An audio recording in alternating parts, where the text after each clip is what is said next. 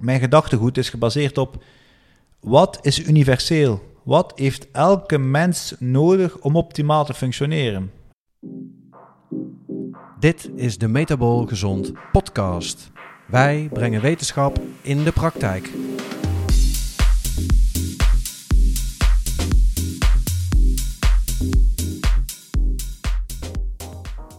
Welkom bij weer een nieuwe aflevering van de Metabol Gezond podcast, waarin wij jouw gezondheid van reactief naar proactief brengen. Volg ons op Facebook onder Metabol Gezond en op Instagram onder Metabole Reset Methode. De podcast kun je terugvinden op Spotify, SoundCloud en de Apple Podcast app, allen onder Metabol Gezond. Daarnaast kun je ons ook terugzien op YouTube, ook onder Metabol Gezond.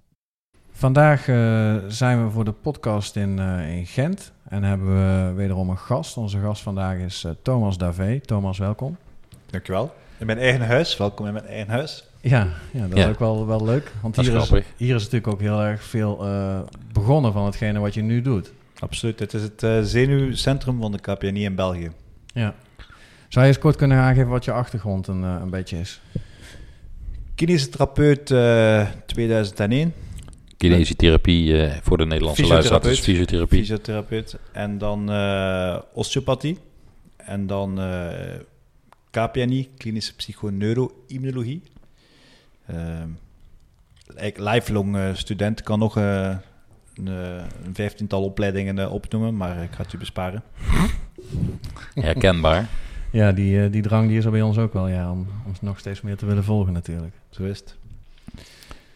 Oké, en ja, ja, wij, wij zijn hier natuurlijk uh, niet alleen maar voor de podcast, maar wij zijn hier ook omdat jij uh, deze dagen aan een groep uh, andere mensen die ook graag meer willen leren jouw concept presenteert. Yes.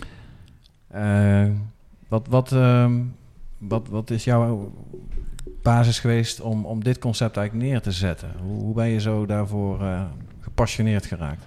Ja, ik wil een, een systeem op poten zetten waar dat de, de de therapeut zoekt samen met de patiënt naar hoe dat de patiënt zelf weer controle kan terugkrijgen over zijn gezondheid. Eerder dat de, dat de patiënt afhankelijk wordt van de therapeut.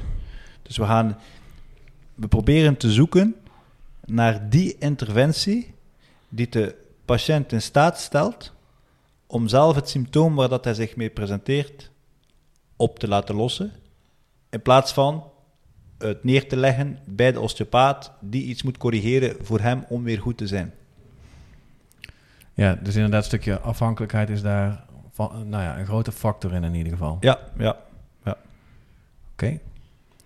En um, kun je daar eens een voorbeeld van noemen? Want onze, onze luisteraars vragen zich misschien af wat, wat dan een goed voorbeeld kan zijn van een klacht of zo, of wat je vaak ziet in de praktijk.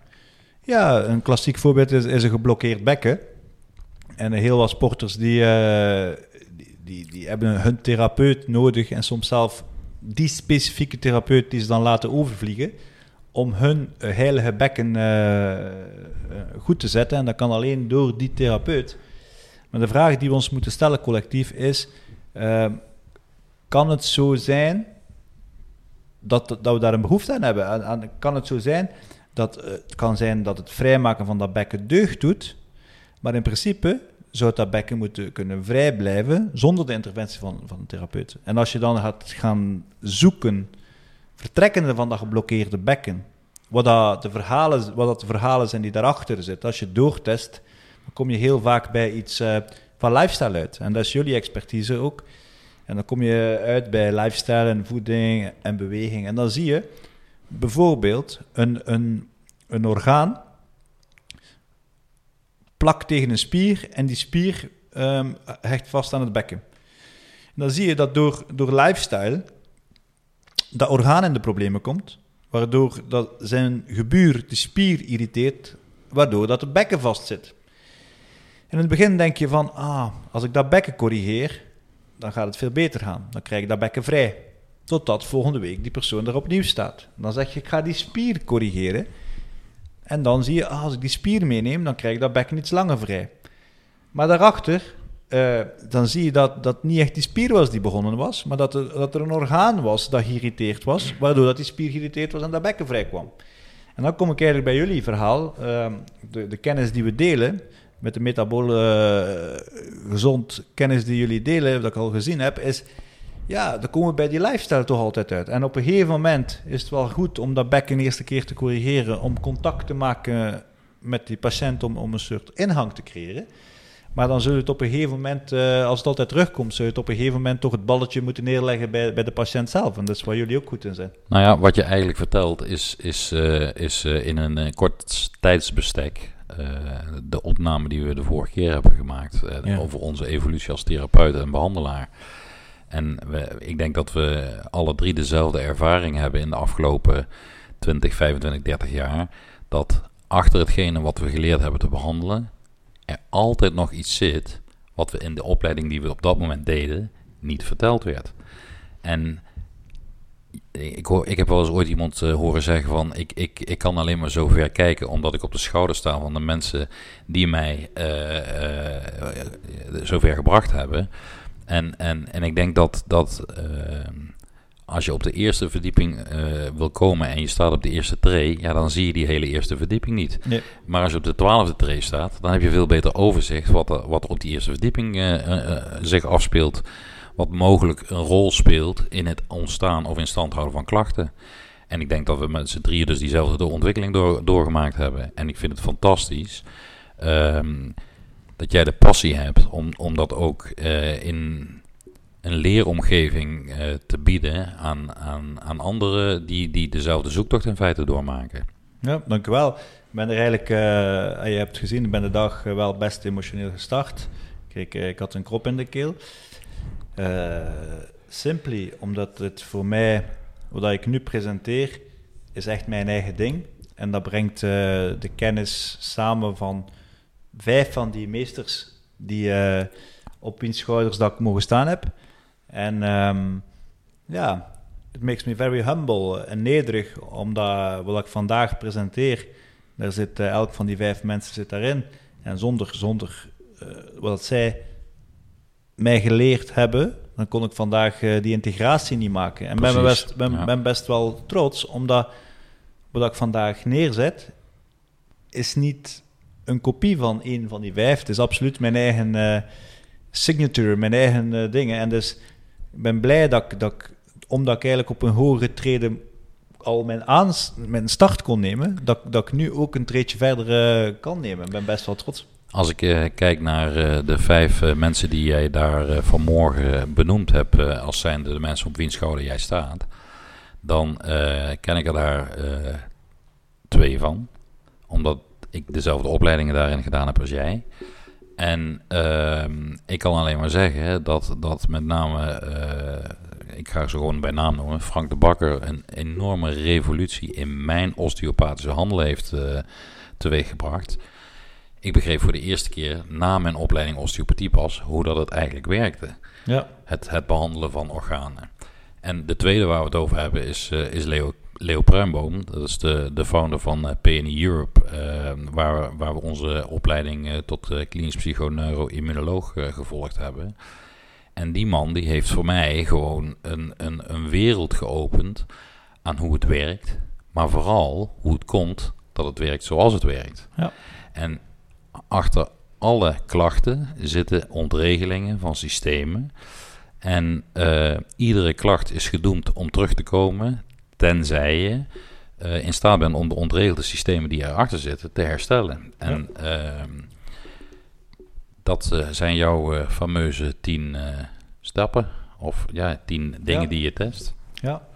Heb je, je hebt ook drie van de vijf, toch? Schaefer heb je ook toch? Uh... Of course. Ja, ik wil die vergeet nog, ik. nog gaan aanvullen. Nou ja, ik, nou ja, spring erin, Tom. Inderdaad. Ja. Nou ja, die vergeet ik niet. Maar ik kon me eventjes niet herinneren wie die... Wie, wie, uh, er was iemand NLP die... Dat heb ik niet gedaan. Uh, ik heb geen osteopathie aan de IAO gestudeerd, dus uh, ik heb geen les gehad van Hugo de Kok. Ik was de vijfde even kwijt, maar dat is dus inderdaad uh, Joe Schaefer. Ja, ja. ja. ja. Hey, en um, in, de, in, de, in de KPNI, um, ehm, die ik inmiddels aan het volgen ben en jullie beide afgerond hebben natuurlijk, zijn toch twee belangrijke tools uh, die daar uh, aan bod komen met betrekking tot de P. En de P staat natuurlijk voor de, de psycho, ook even voor de luisteraars in, in dit geval. Uh, dat is natuurlijk deep learning en reframing. Ja. Wat ik altijd heel erg uh, tof vind, dan gebruik ik ook echt heel erg veel, uh, is jij stelt ook de vraag of een, of een therapie of een middel hetgene is waar iemand eigenlijk een tekort aan heeft, hè, om, die, om die oplossing voor zijn probleem nou, daar dus wel of niet in te hebben.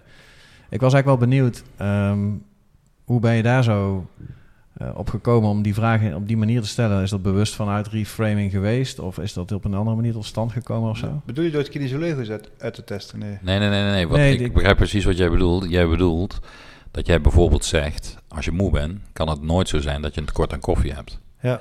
Of als je hoofdpijn hebt, kan het nooit zo zijn dat je een tekort aan paracetamol hebt. Ja. Of als je een bekkenblokkade hebt, kan het nooit zo zijn dat, je gebrek aan behandeling hebt. Ja. Nou, wat ik, wat ik bij mijn patiënten merk, die vraag door die gewoon terug te leggen bij de patiënt, uh, geeft superveel inzicht. En daar zijn ze zo, hmm, daar kunnen ze eigenlijk geen, uh, geen, geen, niet iets op zeggen, want het is waar wat je ja. moment zegt, want dat beseffen ze zich dan dus. Ja, en, en het kan ook zijn dat, dat, dat je op een bepaald moment prima kan voor kiezen voor een bakje koffie uh, op het moment dat je moe bent of voor een paracetamol als je hoofdpijn hebt.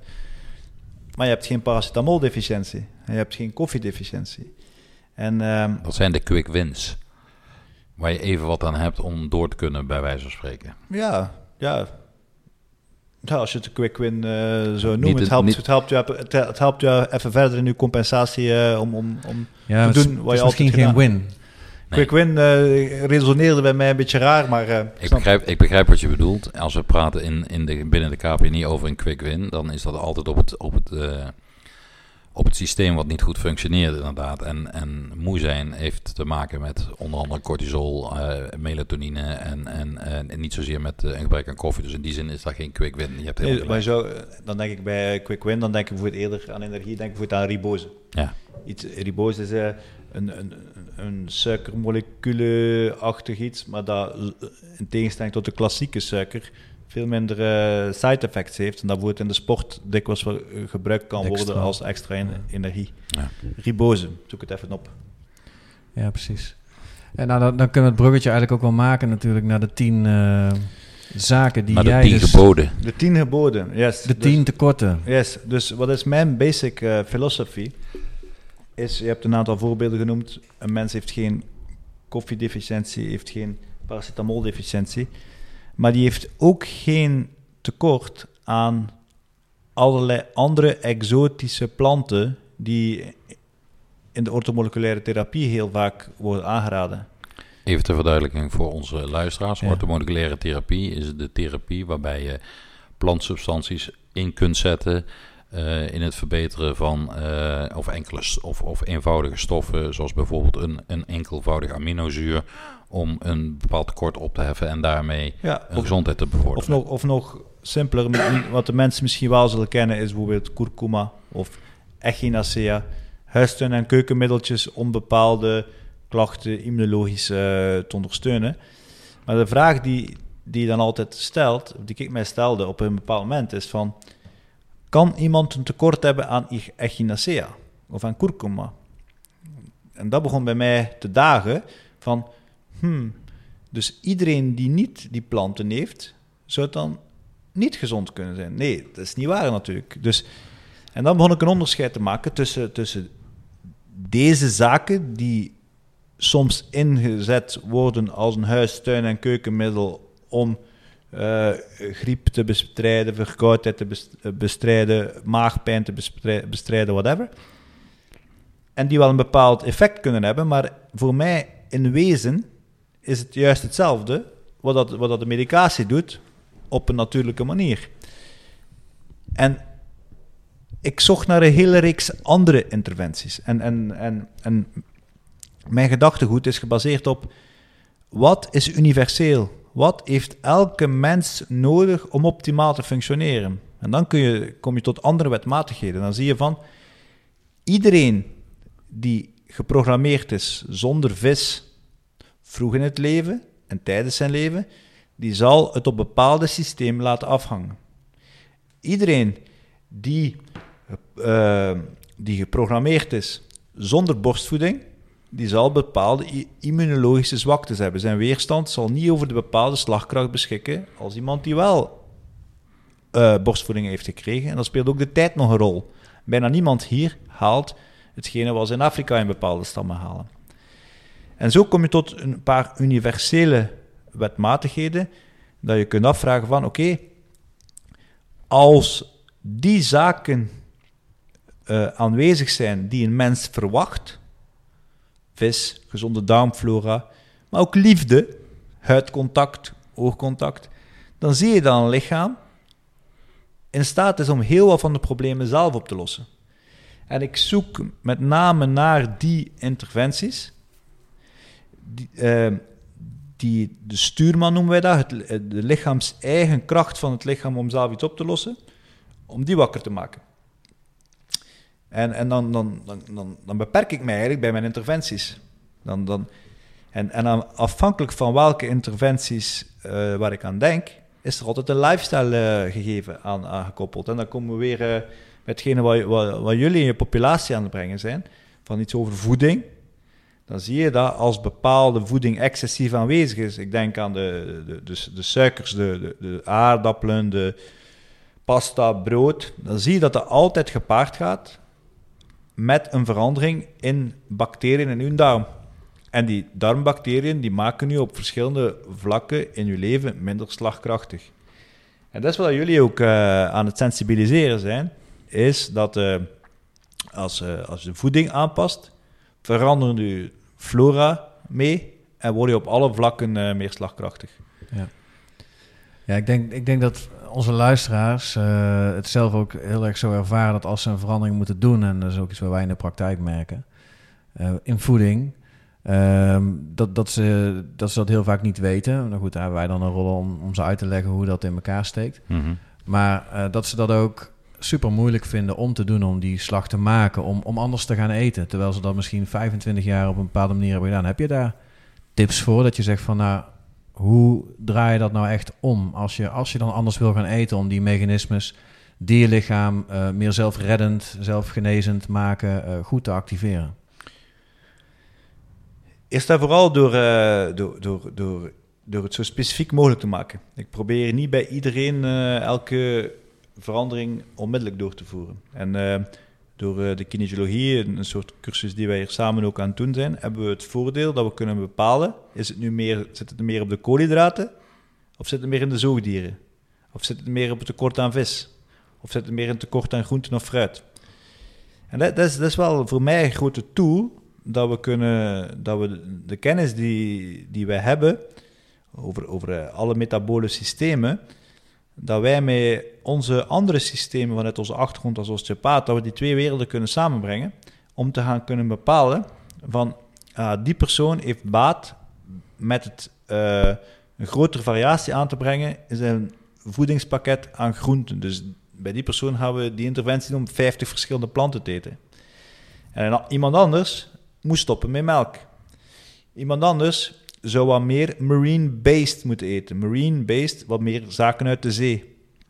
En, en de kracht zit er hem een stuk in, uh, enerzijds in, in dat we specifiek gaan. Mm. De kleinste verandering maakt het grootste verschil. Dat we, dat we niet zeggen van, kijk, dit is... Dit is dit is, uh, dit is hoe dat optimaal zou zijn in KPNI-landschap. Hij doet dus nu volledig verkeerd. Want dat, dat, dat, dit en dat en dat zou je moeten aanpassen dat we gaan focussen. En door het te combineren met het proberen zichtbaar maken door ons osteopathisch systeem dat we allemaal samen beheersen, om zichtbaar te maken welke interventie het grootste verschil zou hmm. kunnen maken. En dan leg ik het neer bij hen. Voor, voor ons moeten ze het niet doen. Bij ons is, is het een bewustwording.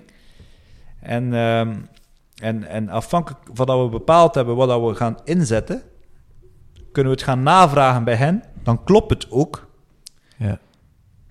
En, en, en ik heb ook geleerd om, uh, om, om de bal aan hun kant van het net te houden.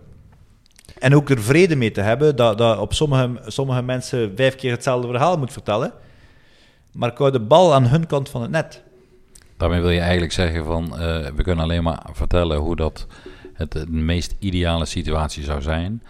Maar we kunnen het niet voor ze veranderen. Ze moeten het zelf veranderen. Ja, en, en, en wat dat helpt is om, om, om het te benoemen. Absoluut. Is, is, om, om, te zeggen van kijk, als je het niet verandert...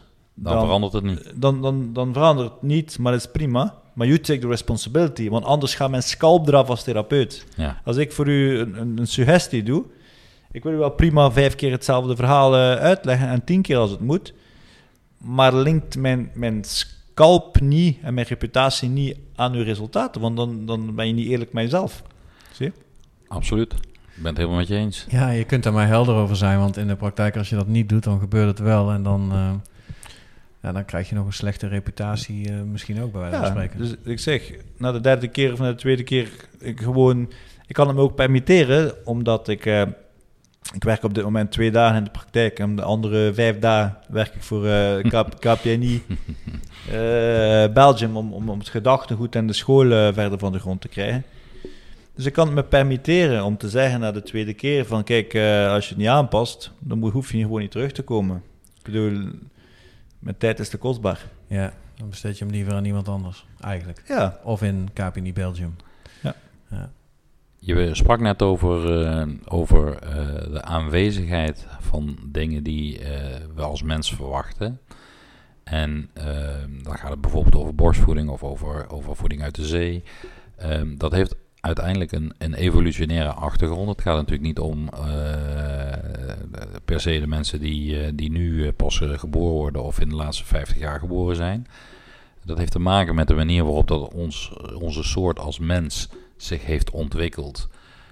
vanaf het moment dat we vanuit Afrika vertrokken zijn. En vandaar dat jij zelf in Afrika bent geweest. om te kijken hoe dat ze daar leven. Wat heb je daar geleerd? Ja, het, eh, het eerste wat me opvalt is, ehm, of in me opkomt, is, is dat mijn systeem daar tot rust kwam. Om, eh, om tussen die mensen te zijn. Dus niet, ehm, is niet zozeer iets, iets, iets, iets geleerd, maar ik kwam daar tot rust. Maar wat het meest opvallend was, is de, eh, de, de, de strength van deze people om bijvoorbeeld eh, op een mum van tijd in een boom te zitten. Mhm. Dus, dus die staan naast mij en eh, op, op een minuut later staan ze met twee baobabs, dus uh, bananenbroodvrucht, die staan ze terug op de grond. Ja, ik zou het niet moeten proberen. Dus, dus de reflectie die ik had is van, eh, van ehm, eh, ja, ehm, ze hebben geen personal trainer nodig. Snap je? Als je zo twee minuten in de boom bent en terug, of, of zij hakken een boom om met een kracht, of, eh, of ik heb geprobeerd zo'n zo'n boog de, de, te spannen. Ik kreeg het niet voor elkaar. Dus, dus wat je eigenlijk zegt, is dat eh, een van de onderdelen van het mogelijk niet zo metabool gezond zijn, eh, een gebrek aan beweging is. Ja, en dan heb ik het niet zo gezegd over geïsoleerde bewegingen in, in de sportschool. Nee. Maar gewoon, de, de dingen des levens. In een boom, een keer in een boom klimmen, eh, rennen, eh, zwemmen, eh, gewichten, gewichten tillen, een, een berg naar boven lopen. dingen des levens. Ik heb altijd zoiets van, oké, oefentherapie als noodzaak. Ik geloof er niet zo 100% in. Ehm, als iemand gewoon variabel beweegt. Ja, maar daar kunt- zeg je iets. Ja, precies. Je kunt, Maar daar zeg je iets. Ja, en niemand doet het natuurlijk. Precies. Nou, daar hebben wij een, eh, ik weet, we refereren regelmatig terug aan eerdere podcasts, maar toen hebben we ook geconcludeerd dat het ook niet met name, eh, eigenlijk, eigenlijk hadden we ingestoken op jou, ehm, want het was toch ook een onderzoekje van jou, van een student eh, met, met, met de voetballers in Engeland. eh, Over insulineresistentie. Over de sedentary death syndrome. ja, precies. En toen hadden wij ook geconcludeerd van, als je dan toch topsport doet en elke dag intensief beweegt, maar de rest van de dag Niet. nou, niet. Dan weegt dat niet eens op tegen regelmatig bewegen. Dus onze conclusie was toen ook vooral van... beweeg vooral vaak, Ja, maar niet per se intensief. En, en, en dan juist functioneel, omdat die handelingen waarschijnlijk al... weet ik het hoe lang geprogrammeerd zijn... omdat dat handelingen zijn die bij ons passen. Ja. Nou ja, ook, ook vanuit eh, het feit dat, eh, dat bijvoorbeeld eh, evolutionair eh, de mensheid, de mens, eh, vijf tot zes uur per dag bewoog. ja. En- heel, en- heel, heel de tijd. En zelfs, Ja, zelfs eh, twee generaties geleden, toen er nog veel meer landbouwers waren, mhm. ehm, die waren heel de tijd, eh, in de literatuur noemen ze dit up and doing. Heel de tijd bezig. actief. En soms Gewoon is, actief. soms is het soms aan, aan het wandelen, en soms aan het sjouwen, en soms aan, aan, het, aan, het, aan het trekken. up and doing. Die Hadzabe, dus in Afrika, die zijn heel de tijd up and doing. Soms is hakken in een boom, soms is klimmen in een boom, soms is eh, iets schieten, soms uren wandelen achter, eh, op zoek naar iets, soms is zwaar rennen achter, eh, achter iets. Allemaal functioneel, maar heel, heel divers. Ja. Ja. alles behalve zitten. Ja, en, en denk, oké, we moeten, moeten natuurlijk in onze context verplaatsen. En, en als we met z'n allen zouden, zouden kunnen bereiken dat we de zittende tijd, je, je gaf het net al aan, Ja. eh, onderbreken. En dan, dan doe ik dikwijls door eh, Tabatas. Hm. Dus Tabata, dat ken je? Ja, Wij wel, Ja. maar onze luisteraars misschien niet. Ja, Tabata is dus, kun je gewoon op YouTube vinden. Dus eh, als je Tabata intikt, T-A-B-A-T-A, dat is een format van vier minuten, waar je 20 seconden iets actief doet. Bijvoorbeeld, je doet 20 seconden squats, je doet 20 seconden push-ups, en dan 10 seconden rust. Dus heb je eigenlijk in die vier minuten heb je 8 keer 20 seconden waar je iets doet. Bijvoorbeeld jumping jacks of eh, burpees. En dan, dan, ja, dan heb je op nauwelijks vier minuten heb je je hart laten herinneren dat je nog een mens bent. Hm. Want eh, dat je uit die flatline komt. En, en kijk, idealiter, en in de opleidingen doen we dat wel dikwijls, dat we, dat we de lessen onderbreken eh, in de KPNI-opleiding om, om, om even vijf minuten zo die hartslag omhoog te laten gaan, dan gaan we weer verder. In de praktijk is het niet zo dat het elk uur gaat doen. En, maar, maar stel nu dat we als onderdeel van metabool gezond dat, je, dat, je, dat we de mensen zouden kunnen doen in slagen om, om al is het maar twee keer vier minuten elke dag en het weekend eh, mogen ze een dag skippen, eh, een prikkel te geven aan het systeem, dat die hartslag even omhoog gaat, dan, dan doe je al een, eh, een zeer grote preventieve maatregel. Ja, Ja, en dan zie je ook dat dus inderdaad de kleinste verandering een heel groot verschil kan brengen. absoluut. Ja. ja. ja, dit mag je dan eigenlijk scharen onder de high intensity training, toch? Zo'n Tabata. High Ja. intensity interval. High Ja. intensity interval, ja. Nou, dat is ook een van onze modules straks. Ja. Waarin we ook een stukje gaan bekijken hoe cardio trainingen versus krachttrainingen zijn. En waarom je het nou ja, allebei moet doen. En waarom je vooral ook wel krachttraining moet doen. En niet alleen cardio training, denk ik. Ik denk dat bij heel veel mensen nog steeds het, idee bestaat van eh, als we iets voor onze gezondheid moeten doen, dan moeten we dat voor het hart en de longen doen. Ja, precies. En, en als mensen denken aan cardio, dan eh, is, het, eh, is het hardlopen, is het fietsen, is het, eh, is het op zo'n eh, zo'n apparaat in een sportschool. Maar als jij eh 20 seconden lang squat, Ja. Dan doe je en wat voor je kracht. En je doet cardiovasculair en, en voor je longen doe je ook, eh, doe je ook eh, gelijk iets. Dus het een sluit het ander niet uit. Nee, maar het is ook zo'n zo'n dogmatisch stukje wat heel moeilijk uitgaat. Ja, dat mensen denken dat dat hetgeen is wat nodig is. Ja, precies. Maar goed, daar, daar zijn wij dan voor om dat eh, te Ja, dat is, wel, dat is de, de sensibilisering die jullie gaan doen, toch? Ja, nou ja, dat is wel het idee inderdaad. Ja. Ja, klopt. Nederland in beweging. Nou ja, onder andere Nederland in beweging, Nederland slapen, Nederland eh, stress verminderen, Nederland, eh, nou ja, Nederland metabool gezond eigenlijk. Nederland metabool gezond. Dat, Oké. is, dat, is een, dat is een mooie eh, slogan. Ja. Ja. Ja. en dan met, met name denk ik wel ook inderdaad met lifestyle interventies. Zo, misschien zo weinig mogelijk echt met, eh, met toegevoegde middelen. Want volgens mij zijn Is het niet een gebrek aan toegevoegde middelen dat het probleem er is? Exact, daar wilde ik inderdaad heen. Dat Oh, we net sorry. ook- Ja, maar zou, nee, dat maakt niet uit. Het zou mooi zijn als de basis... eh, kijk, ja, jullie willen het balletje ook bij de mensen leggen. Jullie willen hen controle geven door informatie. Juist. En, en eh, dat is heel mooi als mensen daar zelf mee aan de slag kunnen. En dan krijg je ook de vraag van... Oké, ik doe intermittent fasting en het lukt me niet. Ja. Hey, om, om, om af te vallen. Of, of, het, of ehm, ja, het levert me niets op. En, en dan is het mooi om in tweede lijn eh, met de tools die jullie hebben... eh, te gaan kijken wat er specifiek aan de hand is. Waarom dat niet toegestaan wordt door het lichaam. Nou ja, een van de dingen waar je vanmiddag eh, over sprak was over cortisol. En hoe dat cortisol een, een rol kan spelen in het, in het uitzetten van een ontstekingsreactie.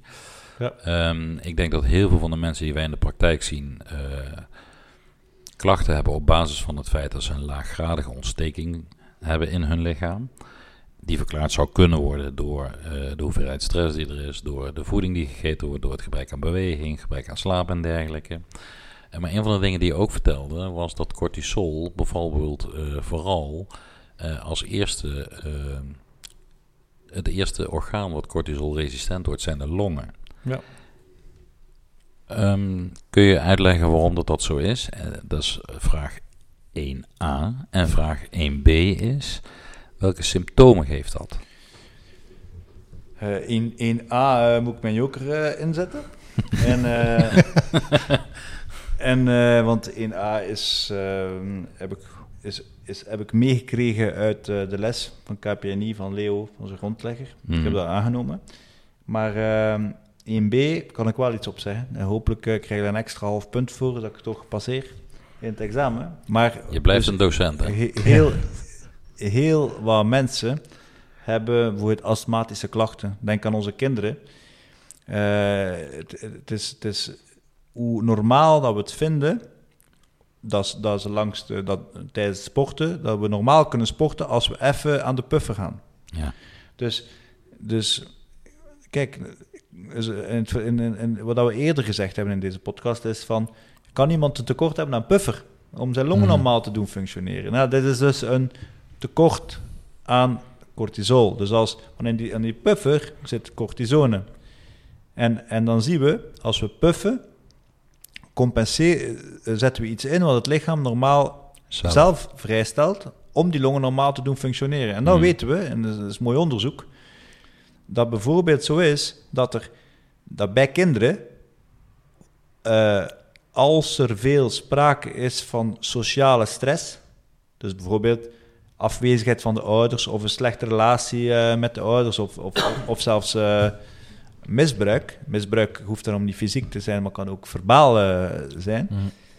dan, dan, dan zien we dat het lichaam gaat, gaat reageren door net die cortisol uit te zetten. En dat heeft een voordeel voor die kinderen, omdat als cortisol uitgezet wordt, als dat niet meer zo goed functioneert, dan, dan voelen ze of herinneren ze zich de pijn wat minder. En dan gaan ze, ondanks de toestand die is wat die is, gaan ze toch hun ouders niet gaan veroordelen. Want cortisol zorgt ervoor dat, dat ze zich dingen herinneren. En soms is het te pijnlijk als je uh, een goede map krijgt of als je altijd uh, gezegd wordt dat je niet zwaard bent, dan is dit te pijnlijk. En dan, dan op een gegeven moment zegt het lichaam, ik ben er klaar mee, zet die cortisol uit. En dan krijg je in het lichaam ontstekingen. Krijg je de kniepeesontsteking die je niet oplost. Of krijg je, krijg je, krijg je, krijg je inspanningsastma. Zie ja. ja. we hebben het ook we hebben het gehad over. Uh, ik heb van de week uh, gewerkt aan de module slaap. En we weten natuurlijk ook dat, uh, dat, allemaal, dat cortisol ook de, de tegenhanger in feite is van melatonine. En dat melatonine en een goede kwalitatieve slaap, met name in de eerste drie uur van de slaap heb ik gelezen, dat er uh, de diepe fases plaatsvinden en in, het restant van de slaap uh, minder. En dat daar juist het vastzetten van deze zaken in je geheugen ook zit. Dus er zou ook nog een belangrijke plaats zijn voor melatonine op zich. En, en een verhoogde cortisol of een niet goed functionerend cortisol haalt het natuurlijk ook weer uit balans. Maar is cortisol zelf ook een stof die die zaken in dat geheugen echt neerzet? Absoluut. Je hebt cortisol nodig om uh, van, van korte termijn geheugen in je hippocampus daar een lange termijn geheugen te maken in je cortex. Ja. Dus, dus, dus bij, de, bij de mensen, als we het nu gaan testen, kun je met de geheugen wat we morgen gaan testen, mm dan zie je dus bij die mensen die we die cortisol-deficiëntie gaan zien, dan zien we als we die geheugentest doen die we geleerd hebben bij Schaefer van in welk hand zit het, mm dan zie je dat het geheugen zwak gaat zijn. We hebben al eerder gesproken in onze podcast over, uh, over resistentie en we hebben al gesproken over deficiëntie, dus tekort uh, bij, deficiëntie en resistentie. Dat zeg maar het signaal er wel is, maar dat de ontvanger niet, niet, uh, niet voldoende functioneel is.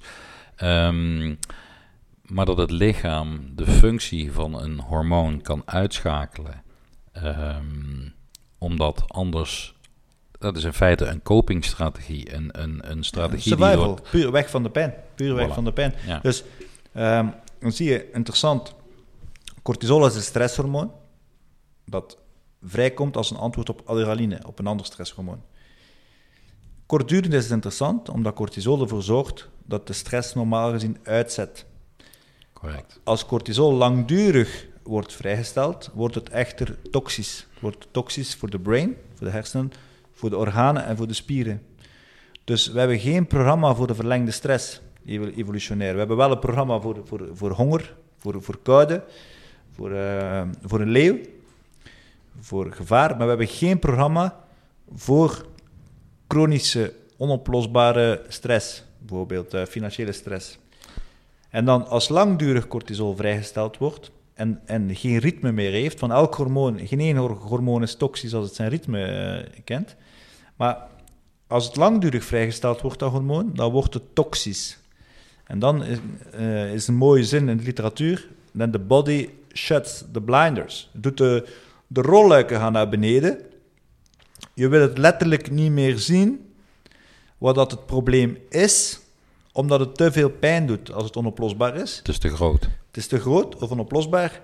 En uh, het is te groot voor jou dus inderdaad. En dan, dan, dan zet je cortisol uit en dan ga je in het lichaam cortisol symptomen gaan krijgen. En dan de, de klassieke geneeskunde focust zich daarop. Ik heb die ontsteking in die knie of aan die Achillespees. Of, of je hebt uh, zelfs immunologische problemen. Uh, je, je, sukkelt met je immuunsysteem. Je hebt altijd verkoudheden, je hebt de griep, noem maar op. Om het, uh, om het bij lichte zaken te houden. Mhm. Of die astma. En, en de focus is daar dan op om, om, om, om een puffer te geven. Om Of, meer, om, of een ontstekingsremmer te geven. om meer van hetzelfde te geven. Ja. En eh, in feite eh, zijn dan de medicaties waar we het over hebben, bijvoorbeeld prednison, of eh, we kunnen een corticosteroïde-injectie krijgen. Maar in feite omzeil je daarmee eh, en ondermijn je zelfs de lichaams-eigen strategie om te dealen met wat er is. 100%. Dat is deel van mijn, eh, mijn boodschap eh, in, deze, in deze module ook. Dat je dus eigenlijk, eh, als ik het samenvat, dan zeg je, in je lichaam is er een, een, een tekort aan cortisol. Dat leidt tot een ontsteking of tot astma, om maar twee symptomen te, te noemen. Maar het lichaam heeft daarvoor gekozen als een consequentie, als collateral damage, eh, in een totale historie, waar er te veel pijn was. En als er te veel pijn is, cortisol zorgt, zoals dat jij net aangaf, om dat je die pijn herinnert. En als het niet opgelost wordt, dan is het beter om die cortisol niet te doen werken. Ja. Maar doe het niet alleen in de brain, waardoor het niet meer herinnert, maar ook in de body. En daar krijg je die symptomen. Maar eh, in- inderdaad, eh, hoe, hoeveel mensen in de praktijk hebben jullie die, die, die zeggen van, ah, mijn geheugen werkt niet zo goed. Ja, superveel. Maar, maar ik heb geen stress. Ja, ik heb geen stress, maar mijn geheugen werkt niet zo goed. Ja. Ja, En dan is het interessant hè, dat wij dus kunnen nagaan, is van proactief door onze manier van testen ook, is van stel je dat cortisol wel zo goed zou werken, dan heb je misschien wel niet die ontsteking, maar wat komt dan uit de crypte van je leven naar boven? Ik bedenk me nog iets anders. Stel je nou voor dat je op basis van de, de strategie eh, ervoor kiest om cortisol uit te zetten en daarmee dus secundair allerlei klachten kunt krijgen. Hè. Dus het symptoom is nooit het echte probleem. Staat netjes boven jouw hoofd. Ja. Kijkers op YouTube eh, gaan dat kunnen zien. Eh, maar stel je nou voor ehm, dat wanneer je eh, het lichaam dus cortisol geeft, ehm, terwijl het brein dat niet accepteert, want ja, dan worden de herinneringen te pijnlijk, dan moet er een nieuwe strategie bedacht worden. Dat doet het ook. Uiteraard, want zo werkt het in het lichaam. En eh, dan is het ook interessant om te kijken van eh, ja, wel- welke strategieën zijn, zijn er dan voorhanden. En in het begin van de podcast heb je verteld over ehm, de aanwezigheid van dingen waarvan het menselijk lichaam verwacht dat ze er zouden moeten zijn. En we hebben eh, vandaag ook heel even kort gesproken over de aanwezigheid van dingen waarvan we verwacht hadden dat ze er niet zouden zijn. En dan hebben we het bijvoorbeeld over toxines of over ehm, eh, de PCB's en plastic flesjes eh, die ook je cortisolhuishouding weer kunnen ontregelen. Maar waar ik eigenlijk heen wil, is, is, ehm, is de aanwezigheid van de dingen die we verwacht hadden dat ze er zouden zijn. We hebben al heel even kort gesproken over liefde en dergelijke. En in die top 10 van jou, eh, daar gaat het dus over allerlei dingen die we verwachten dat die er zouden moeten zijn. Dus daar gaat het over serotonine en oxytocine in de, in, in de zin van liefde. Je had het vandaag ook nog eventjes over ehm, de verticale taxa. En eh, de verticale taxa gaat over eh, de, de, het microbiome, wat je meekrijgt van je ouders en je voorouders, et cetera. Ehm, ik vroeg me af, in feite is alles wat we gemist hebben dus opnieuw eh, te krijgen. Ja, ja. Een kleine nuance in mijn top 10. Er staan niet alleen zaken die we... Nee, nee. Er staan er ook een paar, bijvoorbeeld staan er twee in, eh, denk aan lactofrine en demanose, van als er te veel slechte bacteriën zijn die door de voeding binnengekomen zijn, door te veel suikers en zo, kan het ook zijn dat we dingen moeten wegnemen. Dus, of eh, course. maar inderdaad, als je het hebt over de verticale taxa, dat zal voor de luisteraars een, eh, een onbekende term zijn. En dan gaat het met name over dat uw lifestyle, dus de stress en de voeding die jullie vandaag hebben, bepaalt de samenstelling van de bacteriën in je darm. En dat, als we het hebben over darmbacteriën, dan leg ik het altijd uit aan de hand van een voetbalstadion. En als ik het in de les geef, dan geef ik altijd een, eh, een prentje van Ajax Amsterdam. dan geef ik altijd een... eh, ik heb, eh, ik heb ondertussen zeven jaar voor Ajax gewerkt. En, dus even meegeven. En dan geef ik een plaatje van de tribune. En dan zeg je, zit die tribune geladen met vrouwen en kinderen of met hooligans? Dus we proberen op onze eh, tribune zoveel mogelijk vrouwen met kinderen te krijgen. Gezonde, goede supporters en weinig hooligans. Maar uw huidige lifestyle, van alle aspecten die jullie in metabool gezond gaan aanraken, beïnvloedt dat. Maar je krijgt ook iets mee van bij de start. Als ik kan spreken over, eh, jullie, kennen mijn, jullie kennen mijn vrouw, en, eh, en ik, als ik mocht kiezen wat eh, tijdens de zwangerschap van onze kinderen de belangrijkste factor was, dan was het eigenlijk de afwezigheid van, van zoogdieren. Dus dat is eigenlijk mijn persoonlijke nummer één. In Nederland een kaas- en melkland. Ehm, maar dus mijn, mijn persoonlijke, in mijn persoonlijke leven heb ik zo goed als alles van melk en zoogdieren eruit geschreven. Maar dus ook in de programmatie van de zwangerschap van mijn kinderen. Ik weet er net iets te veel van om, het, eh, om, om, om, om, om, er geen rekening mee te houden. En dat was dus wel degelijk mijn nummer één. En dus we hebben ons leven, de, ons lifestyle. En dat is waar je in eerste instantie de mensen op sensibiliseert. Dat alles wat jullie aanraken in, in jullie podcast en in jullie programma, heeft invloed op, op, op darmflora, op, op, op de beesten. Tijdens de zwangerschap, de stress en de voeding, heeft ook invloed op de beesten, op de, op de bacteriën, uw stadion van, van, eh, van bacteriën die je zult hebben. Maar ook de generaties daarvoor. En heel dikwijls zie je dus ehm, eh, dat, dat er eh, mensen bij jullie in de praktijk komen en die gaan zeggen van ah, artrose, het zit in de familie. Daar wou ik Mm. eigenlijk net heen. Ja, ja, ja. inderdaad. Maar je, je kopt hem zelf al in. Ik kop hem zelf We binnen. zijn in het stadion, dus kop hem binnen. Yes, yes. En eh, eh, artrose zit in de familie. De vraag is, is dat wel zo? Als je weet dat die slechte bacteriën, die hooligans op je stadion, in je stadion, dat die dus zorgen voor eh osteoclastactiviteit, dus afbraak van botten. Dus artrotische verschijnselen. En dan zie je dat hele families analoge klachten beginnen krijgen. Dus artrose op latere leeftijd, maar bijvoorbeeld groeipijnen bij de kinderen. En dan zie je dat, dat, dat, dat het bot in die families wel de voorbestemdheid is, maar onder druk staat omdat we geladen zijn met allemaal diezelfde bacteriën, doordat we dezelfde lifestyle-zaken hebben die we, die we van vader op zoon eh, en familie op familie doorgeven. En daarmee, daarmee is het dus niet genetisch, Genetisch, maar epigenetisch. epigenetisch. Ja. Ja, dus dat zijn de omstandigheden die weliswaar wel van generatie op generatie kunnen worden doorgegeven. Mhm. In onze familie eten wij aardappelen met vlees. En als je dat een aantal generaties herhaalt, ja, dan krijg je die beesten die nu eenmaal door, tot artrose zullen eh, zorgen. En als jullie eigenlijk in een familie zit, die in onze familie eten we 50 verschillende groenten per week en we eten elke dag iets uit de zee en nog een lekker eitje erbij, ja, dan ga je andere botten krijgen dan in die ene.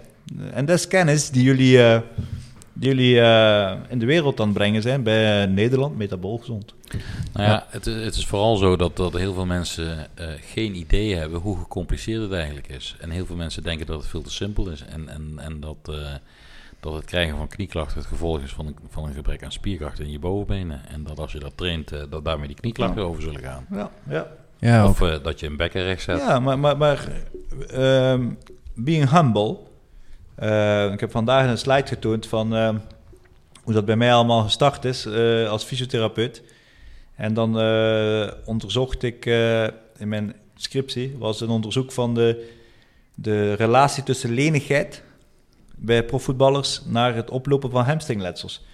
Dus dat wil zeggen, zoals dat je zelf al suggereerde met de treden met de vergelijking, al dat dat op een bepaald moment was, in de context die ik toen was, op mijn 21 jaar, dat dat de gedachte was die ik uh, produceerde. Ja. So that's it. En alleen, alleen hebben wij een honger en een, en een, en een zoeken van... Oké, als, als ik dan met die spierkracht op te trainen en die hamstrings te stretchen... Als dan uh, de speler die wij begeleiden dan opnieuw uh, aan flarden scheurt... Ja, dan is de volgende stap dat we dachten van... Ah, oké, dat bekken zal wel de oorzaak zijn daarvan. En dan hadden we iets meer succes. Ja. Tot de volgende keer dat weer iemand aan flarden scheurt. En ook dat is ook een evolutie. En dat is evolutie. Dat is evolutie. So we cannot forget where we come from. Absoluut niet. Nee, dat was ook die, niet op die manier bedoeld. Maar ehm, eh, wat ik wel merk in de praktijk is dat ik het erg lastig vind dat ehm, mensen naar je toe komen met een bepaald gezondheidsprobleem of klacht. En dat als je dan uitlegt ehm, waar de evolutie van die klacht vandaan komt, Um, dat, er, dat er toch ook nog mensen zijn die zeggen van ja, maar, maar, maar, daar doet het niet pijn. Ik, ik, heb, ik heb daar last van. Ik wijs even op mijn heup nu uh, voor, de, voor de kijkers zichtbaar, maar voor de luisteraars niet.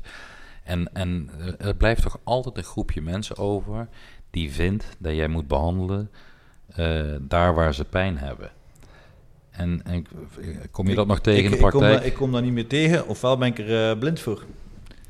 Uh, want want ik, ik, ik, kreeg de vraag niet. Um, en uh, ja, ik zou het ook categoriek niet doen.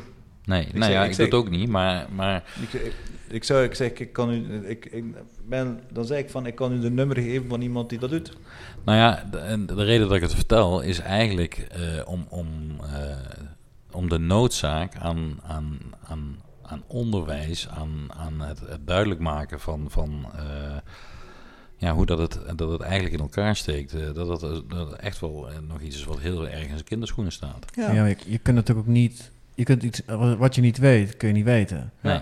En als deze mensen die kennis inderdaad niet hebben... wat, wat, wat ons, denk ik, ons alle drie heel erg ligt om dat te verspreiden. Ja, dat is het doel.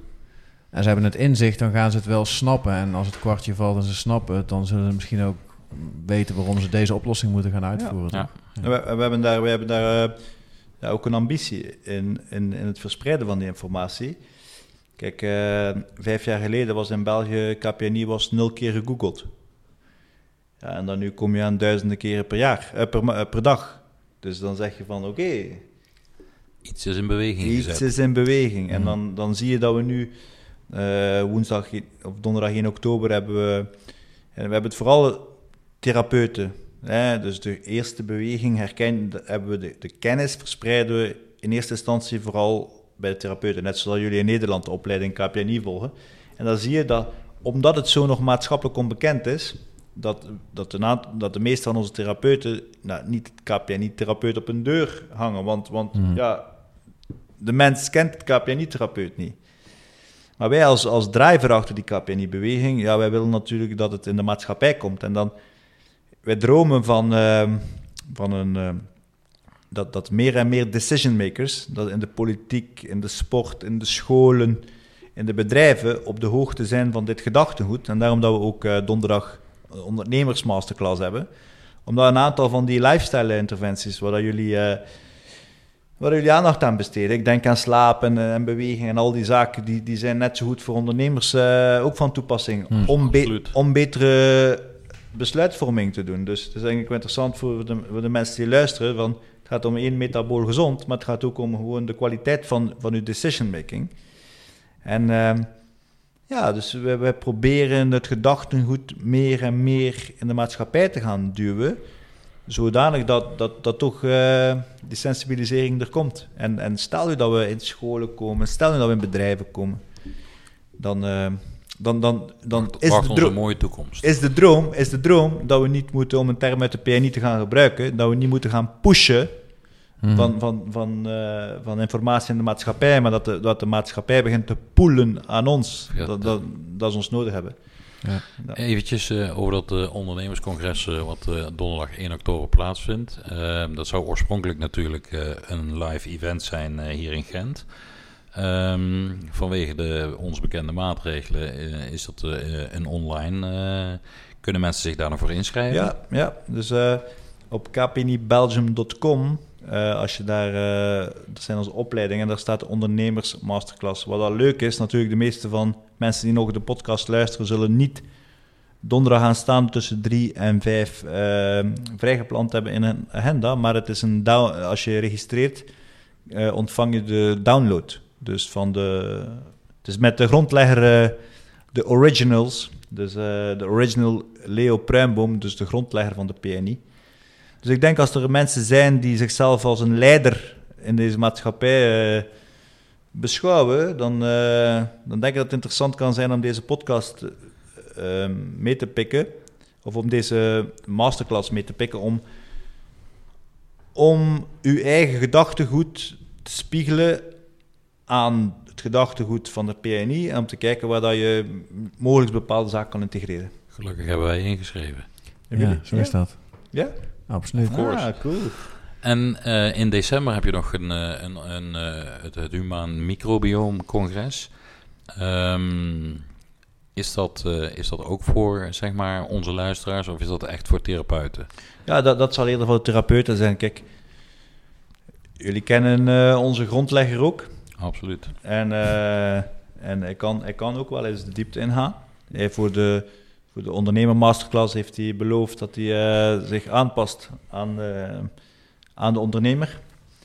Maar dit, is echt voor de, dit zal echt voor de therapeuten zijn. Duidelijk. Wat dat misschien interessant is voor de, voor, de- voor, voor, voor de luisteraar nog is... Kijk, normaal gezien door COVID eh, was 1 oktober was normaal een ondernemersdag. Precies. Op de ondernemersdag kunnen we ook een aantal prikkels geven. Ik denk aan een hypoxieoefening, eh, een aantal andere oefeningen waar dat de mensen, waar dat het meer een experience kan worden dan een online eh, masterclass.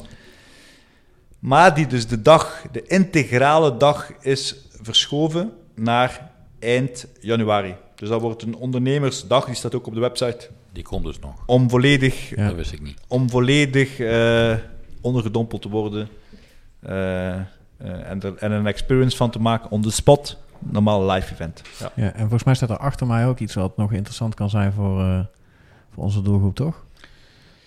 Yes. Oh, eh, er wordt ook iets georganiseerd vanuit uh, Capani Belgium inmiddels ook. ja, ja. Kijk, ehm, daar staat opleiding tot intermittent living coach. Ja, En, eh, en dat is eigenlijk ook voor de professionals. Eh, maar dat is eigenlijk een fantastisch gegeven waar dat we op een week tijd, u, eh, om in jullie taal te gebruiken, metabool resetten. Dus dat is een, weken experience die gecreëerd wordt, ehm, waar dat de voeding optimaal is, wat er geen extern licht is, waar dat er eh, heel wat beweging is, wat er ijsbaden zijn, wat er activiteiten zijn, beweging in, in hitte. Dus dat er in een hittetent eh, de temperatuur opgedraaid wordt. En dan zie je dus dat werkelijk dat voor en na die week dat de bloedresultaten dus dramatisch veranderen. Maar, maar mogelijk, ik weet niet eh, hoe jullie daarin staan. Want er zijn verschillende partijen die dit ook voor particulieren aanbieden. Zeker in Nederland heb ik er al een aantal eh, Ja. gezien. Maar, maar wij, wij gaan dit dus ook, dezelfde persoon die, die dit geeft voor coach, gaat dus ook eh, dit geven voor eh, patiëntendoelgroepen en voor, eh, ook voor apart voor ondernemers. Dus, eh, Ja. dus om, om eigenlijk als, als om drie, vier dagen als ondernemer je brein te resetten van, van de, de stress, de continue druk, dan is het ideaal om eh, het in de gaten te houden. Uh, intermittent living voor eh, ondernemers, ja.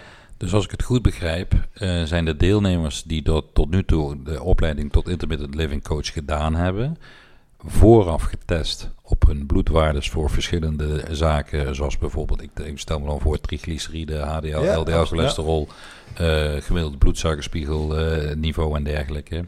En al deze mensen hebben ehm, de opleiding gedaan en die zijn na die vier dagen opnieuw in hun bloed getest. Ja, zes dagen, ja. Oh, zes dagen, oké. En, en na zes dagen, eh, zeg maar, op alle pijlers, Ja. voeding, beweging, slaap en stress, Ja.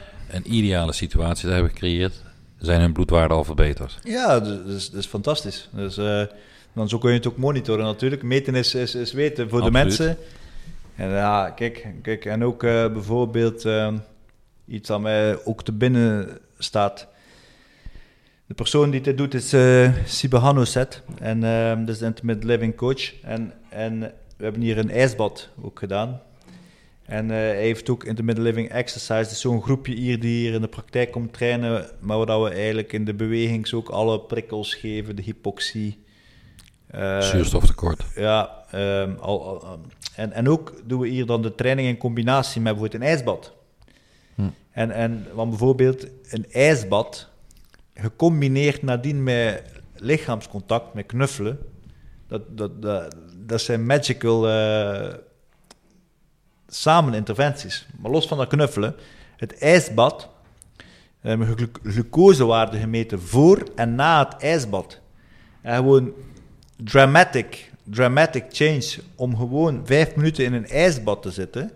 En dan zie je dat, dat, dat in, in, van de waarde van 150 naar 100 voor glucose gaan, of van 123 naar, uh, naar 96. Gewoon door vijf minuten in, in, in een ijsbad te gaan. Als je het hebt over metabool gezond. Mm. Ik heb zelf uh, onderzoek gedaan en literatuur opgezocht. En dan zie je dat elk van de lifestyle interventies waar jullie expertise in aan het uh, opbouwen zijn, expertise hebben en, en, informatie aan het delen zijn.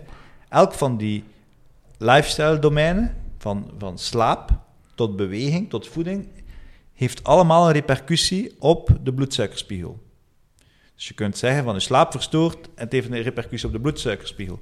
Dus samenvattend is het voor mij net zoals voor jullie dat de lifestyle factoren, verstoorde slaap, slechte voeding, gebrek aan beweging, de bloedsuikerspiegel verstoort en dat het weer toevoegen van oude bekende stressoren zoals intermittent fasting, een keer ouderwets honger hebben, ouderwets dorst hebben, ouderwets koud hebben, die bloedsuikerspiegelwaarden normaliseert. Zie je?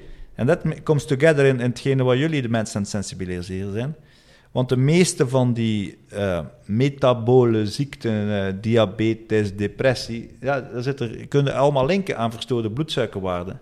Ja. En uh, that's ja. it, that's where it comes together. Ja, absoluut. Ja. We hebben er veel, zeker de laatste maanden, hebben we er veel van van geluisterd, hè, van podcasts. En dan is er, is er ook heel veel ingezoomd, eigenlijk vooral op insuline en insulineresistentie. Volgens mij is dat iets wat internationaal gewoon echt uh, steeds meer aan bod aan het komen is. En wat ik, wat ik interessant vond, en ik ben benieuwd uh, wat, jouw uh, visie daarop is, Thomas. Um, er werd eigenlijk gezegd van, nou, klassiek wordt er heel erg gewerkt aan een stuk koolhydraten, geraffineerd voedsel, want dat nou, duwt natuurlijk insuline omhoog. Dat is, dat is iets wat wel volgens mij iedereen het over eens is. Um, maar er zijn een aantal uh, uh, podcasts die we hebben geluisterd, een aantal mannen die zeggen van, nou, maar er is meer.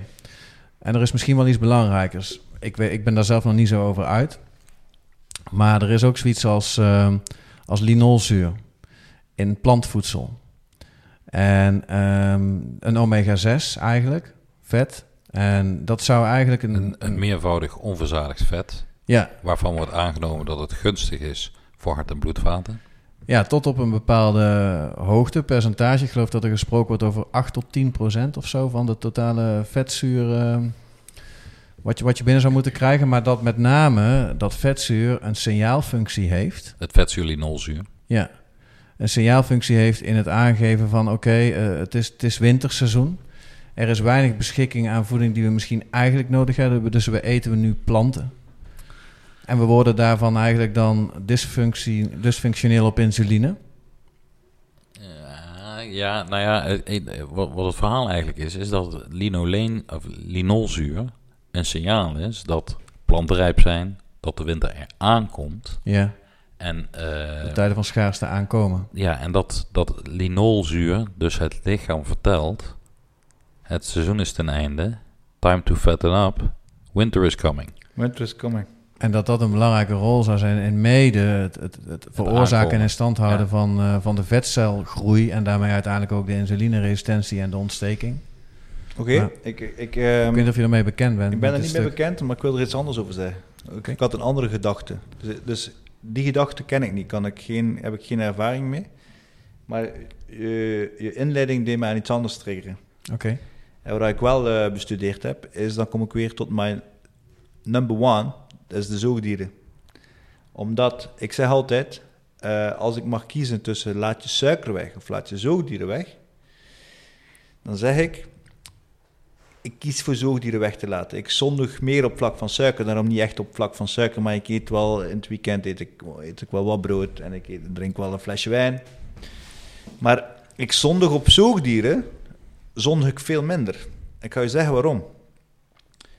Zoogdieren, met name de moleculen NOI5GC die erin zit, die onbekend is, maar zoogdieren zorgt er ook voor dat de pancreas schade heeft. Pancreas is alvleesklier. Dat, Dat is, al- eh, dat is het orgaan wat, eh, wat onze bloedsuikerspiegel reguleert naast het eh, produceren van verteringsenzymen. Ja, dus, dus, en dan zie je, zoogdieren zorgt voor schade aan de alvleesklier.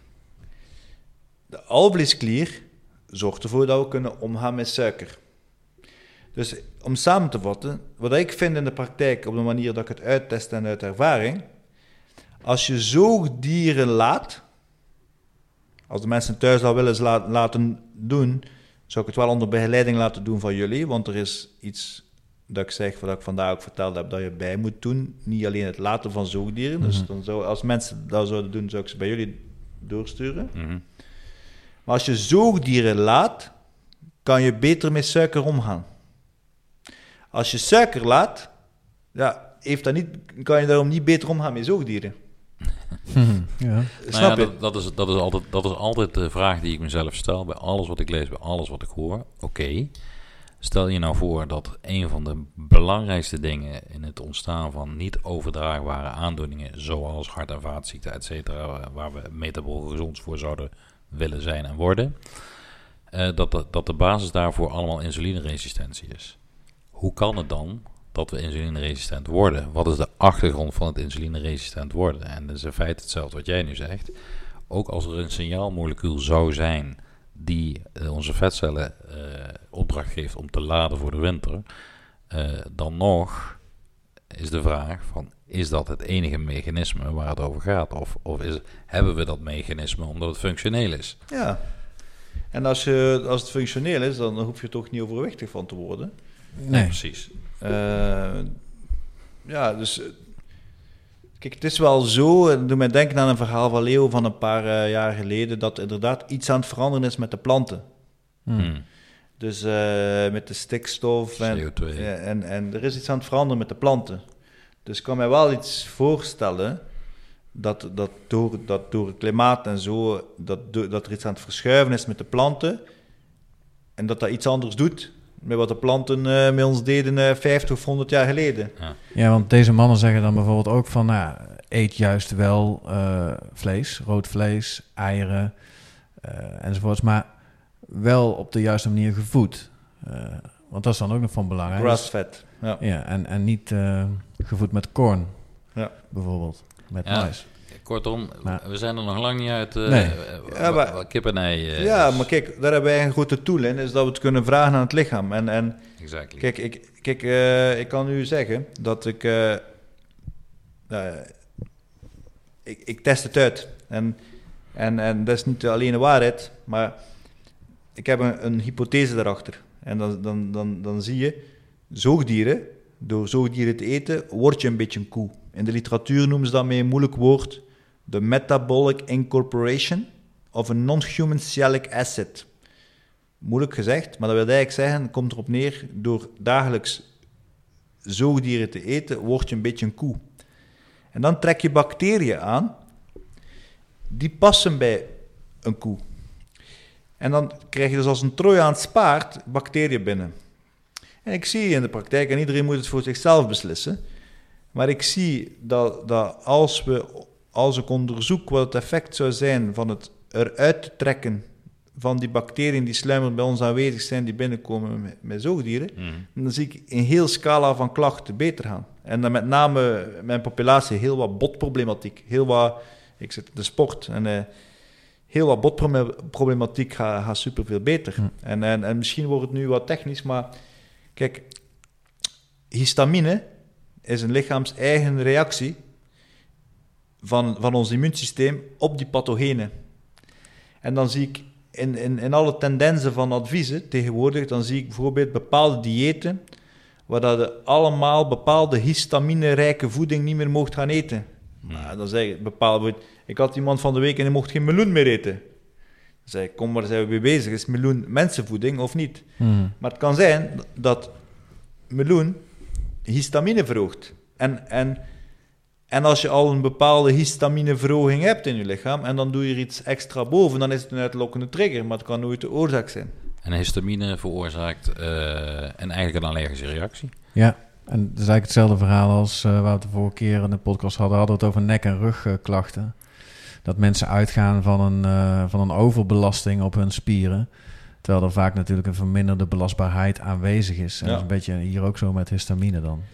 Ja, on- 100%. Ik kan daar. heel- Ik, eh, dit wat ik nu vertel van zoogdieren zie ik heel vaak bij eh, rugpijn. En, eh, en eh, ik, op de manier dat wij het dan samen uittesten, maar dat is een van mijn challenges dan. Dan, dan, dan zie ik dat, dat, dat, dat er bacteriële lood is op de onderrug, maar ook op, op, op zenuwen. En dan van, eh, door, door, door dus die zaken wat ik nu besproken heb, door, door het verkoeien van uw onderrug en van uw zenuwen letterlijk, uw immuunsysteem reageert daarop met een histaminereactie. En de histaminereactie is altijd zwelling. En zwelling geeft altijd druk op uw onderrug, druk op uw, druk op uw zenuw. Maar in de praktijk zie je dan gewoon van, oké, this is the best in the circumstances. Because je doet iets wat dat een reactie vraagt van je immuunsysteem. En als je die reactie weg zou nemen, dan is de body niet meer fighting en dan je collapse. Ja. En, en, en dus je hebt wel last, maar het is de beste optie gezien de omstandigheden. Ik ging normaal vandaag ook eh, besproken in de, in de cursus, technischer dan dat ik het nu vertel. Maar dat zie ik dus bij rugpijn super, super, super veel. Dus, dus eh, Dus het was geen toeval dat ik na eh, een goede week in Frankrijk... met elke dag lekker veel Franse kaas... misschien wel pijn in mijn rug begon te krijgen. Ik, het, is, het is voor mij meer, meer, meer regel dan uitzondering. Ja. Kijk, jullie weten dat ik, eh, ik leef voor het in kaart brengen van patronen. Mhm. En dat wil zeggen dat ik, dat ik die dingen in kaart breng die, die onbekend zijn, maar, maar, maar wel voor iedereen toepasbaar zijn. En, en daar, daar zoek ik naar. En daar, daar, daar hebben we samen... eh, Ja, ik heb gisteren nog een, eh, of eergisteren nog een stukje geschreven voor ons programma. En een van de dingen die ik daarin geschreven heb, ging over of iets normaal is, of, iets dat, of dat iets gewoon is. de norm is, ja. Is En- het de norm of is het normaal? Precies. En, en, en wat je dus nu vertelt, is dat wat voor heel veel mensen gewoon is, in feite dus niet normaal is. Maar nee, rug- eh, de rugpijn en last bij je rug is niet normaal. En dus eh, veel mensen zouden eigenlijk verschieten. En, en, en dit gaat niet over... eh, dit, dit, dit- daar is literatuur van. Als je kijkt naar... eh, bij rugpijn, hoeveel, dat, wat de infiltratie is van, van, van bacteriën in je tussenwervelschijf, Mhm. die bijvoorbeeld komen uit uw mond. Hè, dus de bacteriën uit uw mond, die reizen naar uw onderrug en zorgen daarvoor een ontsteking. En onder andere voor een histaminereactie. En die histaminereactie is uw body dat is trying to resolve it, om het op te lossen. Dat gaat gepaard met zwelling. Maar de bacteriën komen eigenlijk gerezen vanuit de mond. Dus de vraag is aan uw luisteraars: wie van u heeft bloedend tandvlees? Goeie vraag. Ja. Want dat is een, een symptoom, wat, mm, wat eigenlijk bijna nooit... Wat ook normaal is. Nou ja, op, vanaf een bepaalde Ja, maar- leeftijd eh, zie je dat natuurlijk heel Ja. veel. En, en er is bijna niemand die dat dan in verband brengt met het feit dat ze daarnaast ook nog rugklachten Nee, hebben. en, en, en, en kijk, maar stel je voor dat, kijk, dat je, een bloedende, je hebt een bloedende mond, maar dat is een wond. Dat is een wond, alleen is het in de mond. En, eh, en, eh, stel je voor dat je een bloedende elleboog zou hebben, dat, zou je dat ook normaal vinden. Ja. Snap je? ja. ja. Dus het is, het is een wond, dus dat kan nooit normaal zijn. Dus eh, ja, misschien wel... eh, Nou ja, ik, ik, ik, ik, dit triggert mij om. eh, ik, ik kijk nog, eh, ook nog, wel eens televisie. En, en een van de dingen die mij altijd opvallen in, in televisiereclames. is dat ze de oplossing hebben voor een symptoom. Dus stel je voor je hebt roos, daar hebben we een shampoo voor. Stel je voor je hebt bloedend tandvlees, daar hebben we een tandpasta voor. Stel je voor, voor dat je het achterliggende probleem zou behandelen, dan zou je zowel je roos als ook je, tanden, eh, je, je tandvleesprobleem oplossen. Ja. Ja. Ja, maar het is natuurlijk wel niet eh, onder andere commercieel interessant, want daar is deze reclame natuurlijk wel voor bedoeld. Ja, uiteraard. Maar En, en als je een oplossing biedt voor het probleem wat iemand ervaart, dan eh, zal het commercieel best een succes zijn. Maar, ja, maar waar het er er eigenlijk om draait, is eh, dat het geen toeval is dat Hmm. zulke symptomen eh, plaatsvinden. Het is, het is ook nooit toeval dat je eh, last hebt van je grote tenen aan de rechterkant en dat je knie aan de linkerkant zit en je schouder aan de rechterkant. Ik bedoel, daar zit meestal, in mijn ervaring, is er ergens een gemeenschappelijke deler. 100%. 100%. We agree. We agree. Ja. ik weet niet of er nog iets is wat, wat een van jullie misschien ter tafel wil brengen, maar volgens mij, eh, nou we zijn in ieder geval een, een goed uur bezig, een uur en tien minuten om precies te zijn. Kijk. Oké.